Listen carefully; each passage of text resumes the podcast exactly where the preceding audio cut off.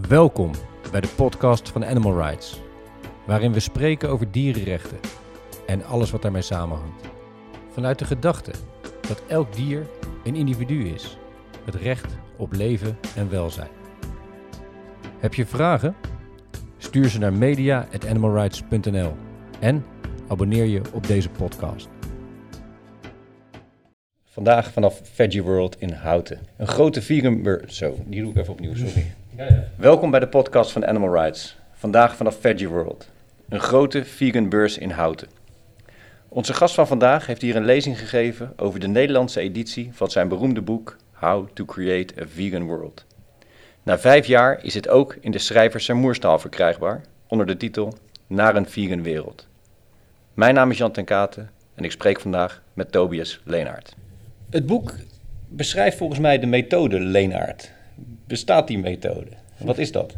Ik zou het geen methode Leenaert noemen, maar uh, een pragmatische methode. Een uh, methode die um, eigenlijk een beetje de weg ter geleidelijkheid voorstelt. Uh, een weg waarbij je misschien wat geduld moet opbrengen, maar een weg naar een vegan wereld die volgens mij, ik ga zeker niet zeggen de beste weg is, maar zeker een, een, een noodzakelijke aanvulling in de verschillende strategieën die de dierenrechtenbeweging heeft, of de veganbeweging heeft. Want jij vindt dat veel mensen vaak te snel willen gaan? Wel, ik denk dat um, ja, vaak mensen, activisten, te ongeduldig zijn en vooral wat ik noem te uh, idealistisch zijn. Dus idealistisch wil zeggen dat je eigenlijk, we zijn natuurlijk allemaal idealisten, maar in de nauwere zin definieer ik idealisme als een houding waarbij je vraagt wat je wil en waarbij je van de ander verlangt dat hij doet wat jij wil om de redenen die jij hebt. Dus in dit geval wil dat zeggen van de ander moet vegan worden voor de dier. En ik zeg dat uh, die ander best ook wel kan beginnen met vermindering, of dat veel mensen die verminderen, dat dat heel veel zoden aan de dijk zet. En ik zeg ook dat het niet noodzakelijk voor de dieren moet zijn, zeker niet in het begin. Ook al ben ik zelf 100% vegan voor de dieren. Um, ik ben wat ik noem meer uh, pragmatisch. Ik ga eigenlijk altijd kijken naar wat werkt. Uh, en dat is eigenlijk het grote verschil, idealisme versus pragmatiek. Idealisme gaat bepaalde regels en idealen volgen. Pragmatiek gaat meer kijken naar wat is er nu dat werkt. En dat kan ook zijn, um, kan ook zijn dat dat verschilt van ons ideaal, van onze eigen motivaties, onze eigen regels enzovoort. Ja, dus je, je stelt misschien niet zozeer je eigen ideologie centraal, maar je kijkt van wat zou een ander nou kunnen bewegen om mijn kant op te komen. Ja, terwijl het doel hetzelfde is. Hè. Dus het doel is eigenlijk het abolitionisme van het gebruik van uh, dieren. Dus, dus in die zin hebben we allemaal dezelfde ergens ideologie. Maar sommige mensen gaan zeggen van bijvoorbeeld van ik mag alleen over uh, veganisme praten, ik mag alleen over de dieren praten, ik mag niet aan mensen vragen van verminderen, of ik mag niet vragen van doe het dus voor, uh, doe het voor de gezondheid of zo, want dat is dan een egoïstische en geen, geen ethische reden. Dus daar, um, dat ga ik allemaal eigenlijk ergens um, ja, aan de kant zetten. En ik ga gewoon kijken naar wat werkt nu best. En als dat de dieren zijn, dan doen we dat. Maar als dat in een andere situatie um, de gezondheid is als argument, of als het uh, gaat om een boodschap van vermindering, dan, dan zou ik veel liever dat doen. Ik, ik probeer eigenlijk het standpunt in te nemen van de varkens of de kippen die in een kooi zitten en um, je moet je afvragen van waar hebben zij het meeste baat bij, wat hopen zij dat wij gaan doen. Zij hopen niet dat wij uh, interne ideologische spelletjes gaan spelen of discussies gaan hebben. Zij willen dat wij echt uh, zo snel mogelijk grote resultaten boeken. Dus uh, en resultaatgericht zijn. Resultaatgericht inderdaad. En dan zijn er mensen die zeggen, leuk en aardig, maar je bent wel de definitie van het veganisme aan het verwateren. Ja, ik ben daar helemaal niet bang voor en ik denk dat dat ik dat niet, niet echt doe. Dus iets wat ik zeg is van, van kijk, 100% veganist is allemaal leuk en wel en ik ben 100% veganist. Um, of hoe je dat ook wil definiëren. Voor sommige mensen zal het maar 99,9 of 99,5 zijn.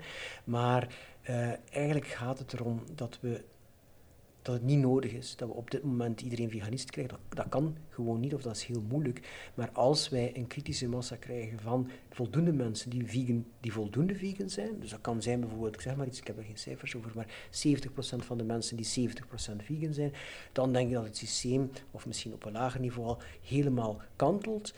Dat de prijzen veranderen, de subsidies veranderen, de sociale blamage rond vlees verandert en dat het dan helemaal zal kantelen naar nul consumptie van dierlijke producten of bijna nul consumptie. Dus, dus we hebben eigenlijk grote stappen nodig die dan die kleine stappen zullen uh, automatisch uh, verder veroorzaken. Ja, je, ze zeggen wel eens, zo gauw vlees stopt, dan stopt ook gelatine. Want je gaat geen koe doodmaken alleen maar om gelatine uit de botten te winnen. Dus richt je dan op het vlees? Dat is, dat is een voorbeeld. Hè. Uh, het kan natuurlijk zijn van, van kijk, als er nu een start-up is die zegt van wij maken, en dus zijn er, hè, gelatine, een gelatine alternatief al die producten gaan uh, normaal gezien vlees wel minder winstgevend maken als zij een stuk uit, uit, uit de winst van vlees uh, wegnemen, hè, uh, door een alternatief aan te bieden. Maar los daarvan zou ik zeggen van ja, we concentreren ons op de, op de grote dingen, op het vlees enzovoort. En de E-nummers bijvoorbeeld, ja, die gaan niet meer, die, de, E-nummers, de additieven die uit dieren komen, die gaan dan uiteindelijk toch niet meer bestaan. Dat zal niet meer efficiënt zijn om die te maken als we geen vlees meer eten.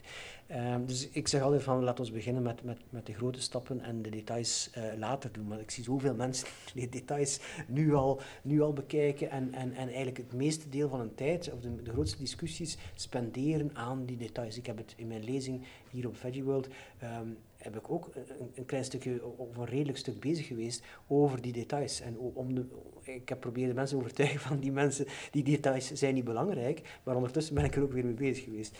Um, dus, uh, dus dat moeten we, moeten we denk ik niet meer doen. Uh, als het natuurlijk gaat om een wedstrijd om zo vegan mogelijk te zijn, ja, dan kun je daarmee bezighouden. Maar als het gaat om uh, pragmatisch, resultaatgericht echt winsten te boeken voor dieren, dan is dat allemaal uh, een stuk minder belangrijk. Ja, en bovendien, al die gesprekken over wat nou wel vegan genoeg is, dat hebben we alleen maar met elkaar. Dat hebben we onderling. We zijn niet bezig met de mensen waarvan we hopen dat ze gaan veranderen. Ja, inderdaad. Dus het is een beetje van een, van een afleiding van wat we eigenlijk zouden moeten doen. Uh, plus je gaat elkaar dus ontmoedigen vaak hè, door die discussies. Maar ik denk ook dat uh, wanneer we dan toch uh, in, in de rest van de tijd uh, spreken met die, met die buitenstaanders, met die vleeseters, is er de kans dat we dus ook wel te veel nadruk gaan leggen op die kleinigheden, op die details.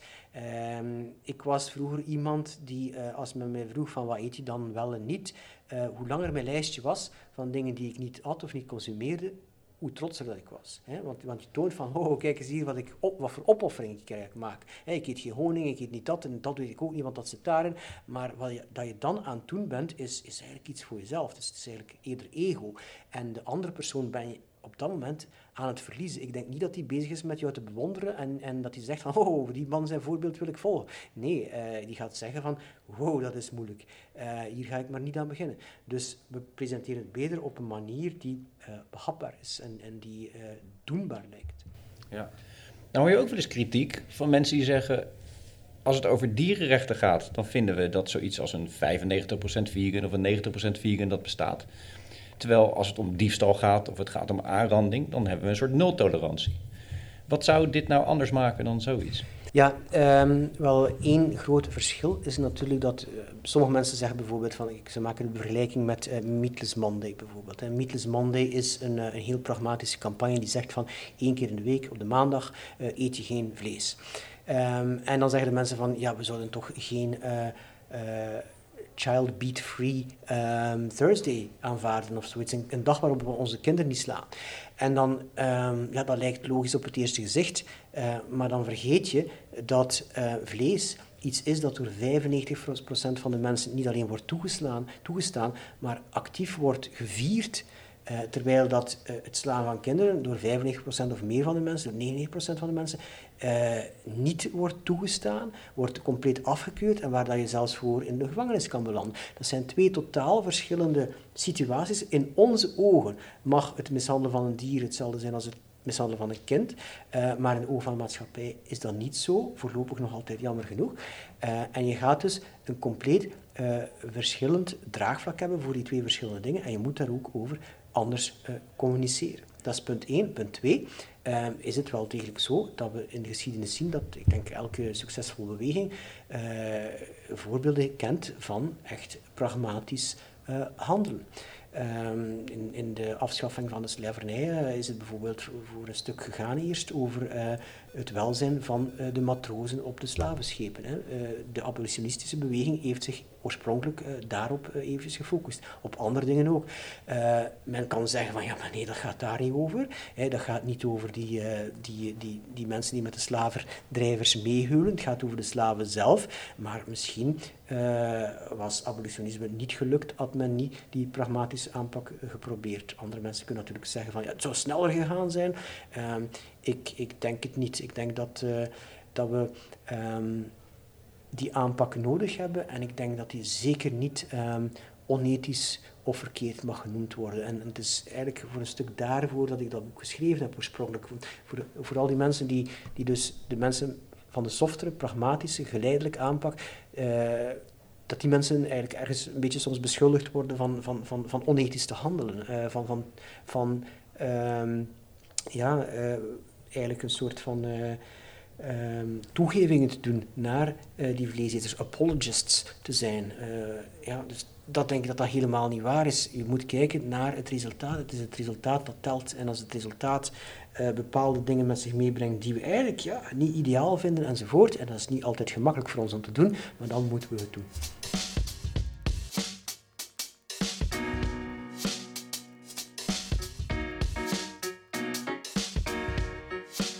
Jouw boek, um, vijf jaar geleden kwam het uit in het Engels. En je bent ook echt de hele wereld over geweest om over het boek te praten. En ik las ook dat zijn vertalingen in het Chinees en in het Koreaans en in het Turks en in het Pools. Hoe komt het dat het nu pas in het Nederlands verschijnt eigenlijk? Ja, ik had er zelf niet zo um, achter gezeten, achter die vertaling uh, of uitgave. Gewoon omdat ik dacht van de mensen die hier spreken, de mensen die het willen lezen, die hebben het wel al ondertussen uh, in het Engels gelezen. Uh, maar dan hebben we toch een, een uitgever gevonden die daar geïnteresseerd is. En tot nu toe blijkt de belangstelling groot genoeg. En misschien is het mijn eigen mijn eigen bias dat ik denk dat iedereen uh, op dezelfde manier Engels spreekt uh, als ik. En zijn er toch nog wel voldoende mensen die het veel makkelijker vinden uh, in hun eigen taal. Zeker. En zelfs voor de mensen die het in het Engels al gelezen hebben, is het misschien interessant om het ook in het Nederlands te lezen. Want het is een hele nieuwe herziene versie. Ja, dus het is de enige versie die ik eigenlijk herzien heb. In de andere talen lukte dat niet, omdat ik niet sprak. maar deze versie hebben ik en Pablo Moolman van, van Provence Nederland hard aan gewerkt om, um, om daar Nederlandse en Vlaamse uh, illustraties, voorbeelden, uh, cijfers in te stoppen. Zijn er ook dingen, toen je het opnieuw ging bekijken, opnieuw ging lezen en ging herzien, zijn er ook dingen waarvan je zegt, hey, vijf jaar geleden keek ik er anders tegenaan dan nu? Eigenlijk niet zoveel. Uh, als ik het nu zou schrijven, uh, dan zou ik nog wat meer nadruk leggen op uh, een institutionele aanpak. Dus het, het, het echt mensen aanmoedigen om, om bedrijven, wetgeving enzovoort, enzovoort te veranderen. Het boek gaat grotendeels over individuele benaderingen, het benaderen van andere mensen in je directe omgeving. Het, het gaat ook over het belang van bedrijven enzovoort. Uh, maar ik heb het niet zoveel gehad over wat kan jij persoonlijk doen in bedrijven, in, naar wetgeving toe uh, enzovoort. Ik denk dat die dingen uh, ook heel erg belangrijk zijn vandaag en dat daar meer en meer kansen toe zijn. Ja, dat is ook iets waar ik zelf steeds meer over nadenk. Van veganisme is een gunst. Ik doe iets niet omdat ik iets niet wil doen. Terwijl we bij andere ethische kwesties, als nou, weer diefstal of aanranding, daar hebben we er echt een wet van gemaakt. Uh, hoe kijk jij dat tegenaan? Zouden we meer moeten gaan streven naar wetgeving? Ja, absoluut. Uh, en ik geloof dat, uiteindelijk, uh, dat, dat uiteindelijk allemaal moet uitmonden in wetgeving. Hè, zodanig dat er, dat er niets meer kan gebeuren of niets straffeloos meer kan gebeuren. ik denk dat we daar een heel stuk van zijn nog. Hè, als ik zie van ja, onlangs verbaasde ik mij bijvoorbeeld over het feit dat er in, in België, in mijn land, ik weet niet wat het in Nederland is, maar bijvoorbeeld geen, zelfs geen wetgeving is uh, die bepaalt dat, dat een hond niet de hele dag in een klein hok mag zitten. Hè. Dat, dan spreken we over honden. Hè. Uh, dus er zijn op, op gebied van, van dierenrechten uh, zoveel lacunes, er is zoveel dat nog ontbreekt. En dan, als je dan een stap neemt naar landbouwdieren, de dieren die we eten, wordt het nog veel moeilijker. Uh, dus ik denk dat het uiteindelijk moet uitmonden allemaal in rechten. Uh, maar ik denk dat dat op dit moment nog moeilijk is, precies omdat we ze eten. En er was een, eh, een interessante case in Amerika, in New York, over Happy de olifant, die, lang, die nog altijd opgesloten zit en mij wou pleiten voor het feit dat hij een persoon was. Uh, en, um, en, dus zijn vrijheid moest krijgen. En de, rechters hebben geoordeeld, uh, sommige rechters waren wel sympathiek, maar de rechters hebben gezegd, um, of de rechter heeft uiteindelijk gezegd van, van kijk, um, als we dit doen, als we die persoon maken, dan heeft dat zoveel repercussies op, op, op, op het hele rechtssysteem, op de hele maatschappij, dat we dat niet kunnen doen. Dat was een van de argumenten. Dus je begrijpt dat, dat we nu nog eigenlijk te veel afhankelijk zijn van het gebruik van dieren om zo'n wetten in te voeren. Die wetten gaan gewoon niet kunnen doorgevoerd worden omdat ze te drastisch zijn. Dus we moeten uh, als we zo'n wetten willen, eigenlijk uh, ook omgekeerd te werk gaan en eerst het, uh, onze afhankelijkheid van dieren verlagen. Op het moment dat wij veel minder dieren eten, wordt het makkelijker om wetten ter hun bescherming in te roepen. Um, dus, van ja, je ziet het misschien ook wel met nertse fokkerijen. Nertse fokkers zijn nu verboden in Nederland omdat we eigenlijk geen bond meer dragen. en eerst is de politieke opinie veranderd. Mm -hmm. Als iedereen bond zou dragen vandaag, zou de nertse fokkerij nog niet, niet verboden zijn. Um, dat kan wel eens gebeuren, hè, zoiets, een wetgeving die compleet tegen de publieke opinie ingaat. Maar ik denk dat dat heel uh, zeldzaam is. En je ziet het meer bij dictators waarschijnlijk.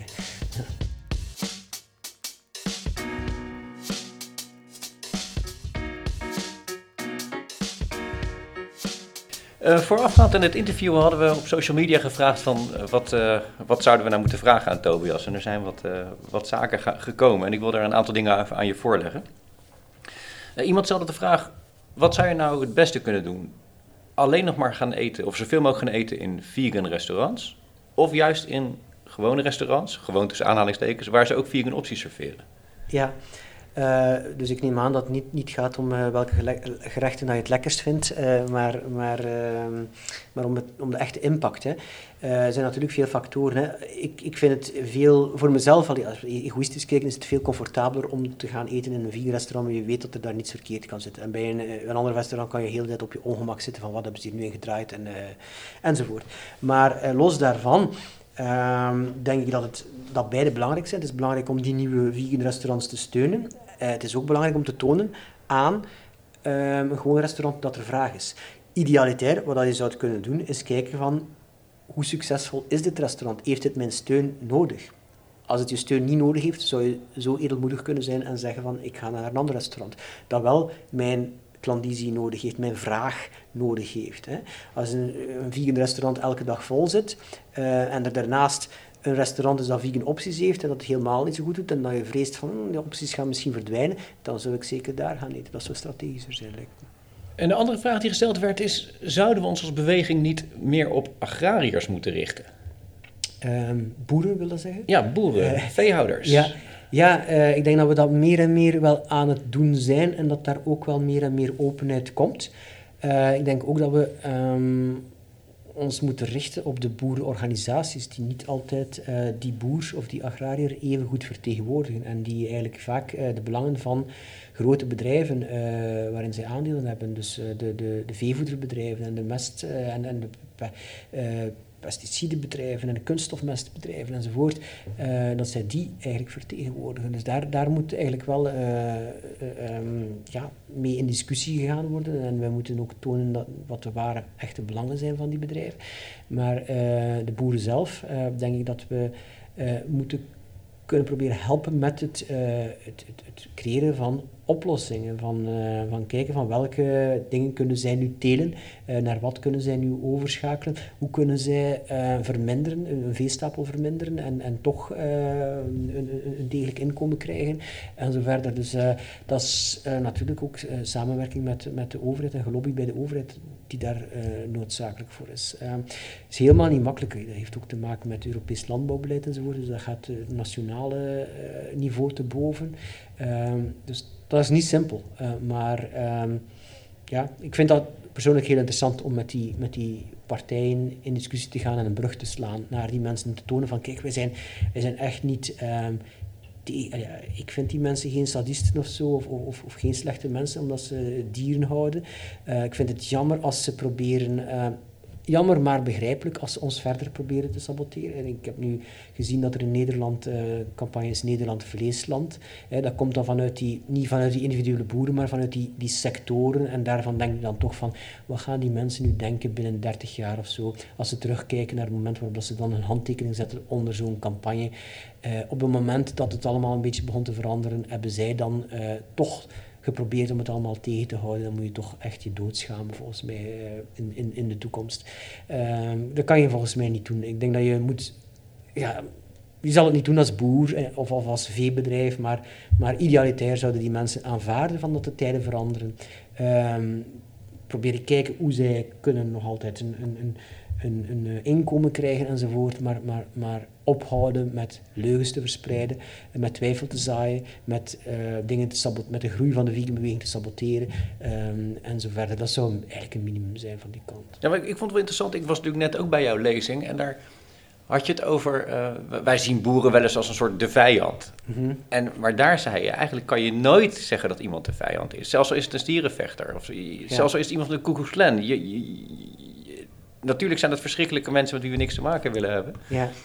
Um, maar ook, ook hen kan je bereiken.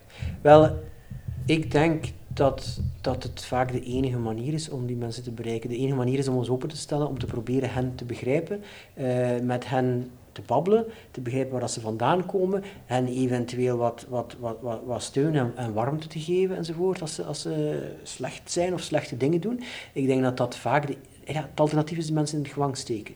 En, en, en, en we spreken nu over misdadigers, hè, over die ja. mensen enzovoort, uh, niet over boeren, voor goede verstandhouding. Uh, en uh, als je die mensen in het gevangen steekt, dan hoop je dat, dat ze daar beter uit, uitkomen. Maar dat is natuurlijk niet zo. Hè. Die komen daar slechter uit. Uh, dus het enige alternatief is, ja, die mensen niet isoleren en, en daarmee praten en ze ondersteuning geven, ze proberen te begrijpen, ze alternatieven geven enzovoort. Dat geldt denk ik voor, voor iedereen die, die slechte dingen doet. Ook al is het natuurlijk soms nodig dat we de maatschappij van die mensen moeten beschermen en die mensen moeten uh, ergens uh, ergens toch, toch wel uh, afzonderen van de maatschappij. Maar niet om ze te straffen, maar, maar om de maatschappij daarvoor veilig Ja, even voor alle duidelijkheid, er is helemaal niemand die hier die boeren en de koegenslaan op één, op één niveau stelt. ja. Nee. Um, er waren ook vragen over, um, wat zijn nou de beste manieren van activisme? Wat vind je bijvoorbeeld van de mensen die met, een, met zo'n beeldscherm op een dorpsplein staan en zo met het publiek in gesprek ja. willen gaan? Um, ik denk dat het allemaal heel goed is dat, uh, dat die mensen dat doen, dat ze daar zijn. Uh, ik vraag me wel altijd af natuurlijk, uh, de meeste dingen doen iets. Hè. Sommige dingen doen, doen, hebben een negatieve impact, maar goed, dat, dat zal wel een minderheid zijn. Alles doet iets, maar je kan je altijd vragen van wat had ik nog kunnen doen in diezelfde tijd, of met hetzelfde geld, dat nog beter was. Dus over, over um, Anonymous en, en, andere mensen die dus met beeldschermen in, in de straat gaan staan, zou ik zeggen van... Um, ja, misschien zijn er dingen om het nog beter te maken. Bijvoorbeeld zijn de vredebeelden van dieren, zijn die wel uh, noodzakelijkerwijs het meest efficiënte? Want veel mensen gaan daarvan weglopen. Die zien nog van ver en die zeggen van, dat wil ik niet zien. Ik wil dat persoonlijk zelf niet zien. Ik wil die beelden echt zo weinig mogelijk zien. Dus het zou kunnen dat bijvoorbeeld met, met beelden van kippen en varkens enzovoort, die iets leuks doen met een met een jongen, uh, met, met, met de kleine kip, de kleine varkens, uh, of die spelen, of die, ik zag uh, nu nog onlangs de, de Hidden Life of Pets op Netflix, hè, daar, daar zie je varkens of zo, of ratten, daar zie je een heel intelligent gedrag vertonen. Het kan ook zijn dat dat mensen helpt om, om te zeggen van, wauw, waarom eten wij eigenlijk die, die dieren op, waarom sluiten we ze op in kleine hokjes en zo verder. En een ander iets daar is, ik denk dat activisme uh, met eten altijd heel, uh, heel productief kan zijn of succesvol kan zijn. Dus je zou ook die, die, uh, het tonen van beelden kunnen combineren. Het is logistiek natuurlijk moeilijker, maar met mensen iets aanbieden, een, een sample van een burger of zo, of een discountbon geven voor een restaurant in de buurt. Zeggen van kijk, je kan hier gaan eten, met, dit, met deze bon heb je 20% korting. dat soort van dingen. Dus het combineren van eten met... Um, ja, de informatie, uh, denk ik, is altijd wel, wel iets, iets nuttigs. Maar je zou wel een soort positievere insteek kiezen? Um, wel, ik zou, je zou moeten uh, genoeg uh, onderzoek hebben over, over wat werkt. ik weet niet hoeveel onderzoek dat er rond Anonymous gebeurd is. Um, onderzoek hebben we in elk geval nodig. Mijn insteek is meestal wel ja, een positieve aanpak, niet beschuldigend, uh, niet uh, negatief of, of gruwelijk of wat dan ook. Um, en, en ja, de mensen ontmoeten waar ze, waar ze zijn. Um, en dan voor de rest, uh, wat is het beste dat je kan doen? Ik denk dat, dat mensen kunnen echt een keuze maken in functie van een goede carrière kiezen. Een carrière kiezen die zinvol is voor de dingen die ze willen doen. Ik zie zoveel mensen nog altijd een job kiezen die uh, ja, eigenlijk gewoon de wereld niet zoveel gaat bijbrengen. Of wel iets, maar niet zoveel. Ik, zie, ik weet dat er tijdens de coronacrisis duizenden online shops per dag bij kwamen. Hè. Uh, en dan zijn daar honderden shops bij voor een nieuwe baardgel of zoiets. En dan denk ik van, daar hebben we toch niks aan. Hè? En, en, en dan denk ik van, als je dan 40 of 50 bent en je hebt 10 of 20 jaar baardgel verkocht, wat denk je dan over je leven? Um, dus uh, ik denk dat we iets moeten kiezen dat uh, zin heeft. Dat is beter voor ons. Dat geeft ons leven meer opvulling en meer vreugde, denk ik. En, en, en, laat ons minder nadenken over de zinloosheid van het leven.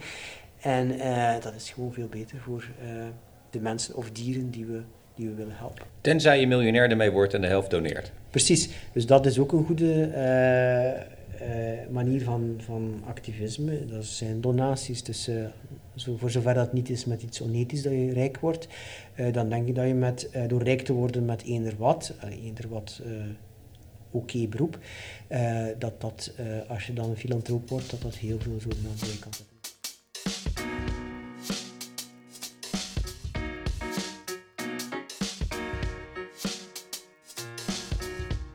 Um, als mensen je boek naar een vegan wereld willen kopen, waar kunnen ze dan terecht? Wel op de klassieke kanalen die mensen misschien evil vinden. Uh, we zullen ze niet noemen. en, uh, maar ook dus bij de website van de uitgever, Noordboek. Uh, dus denk ik ook, ook in de kleine boekhandel kan je het soms vinden of, of, of bestellen. Dus ik denk dat het redelijk breed beschikbaar is. Nou, allemaal naar de boekhandel en naar een vegan wereld kopen. Tobias, dankjewel. Dankjewel voor dit gesprek. Dit was het weer voor deze podcast. Ik dank Tobias Leenaert voor zijn aanwezigheid. Konrad Simanski dank ik voor productie en techniek. En jou bedank ik voor het luisteren. Mocht je vragen hebben, mail ze dan naar media.animalrights.nl. En tot de volgende keer.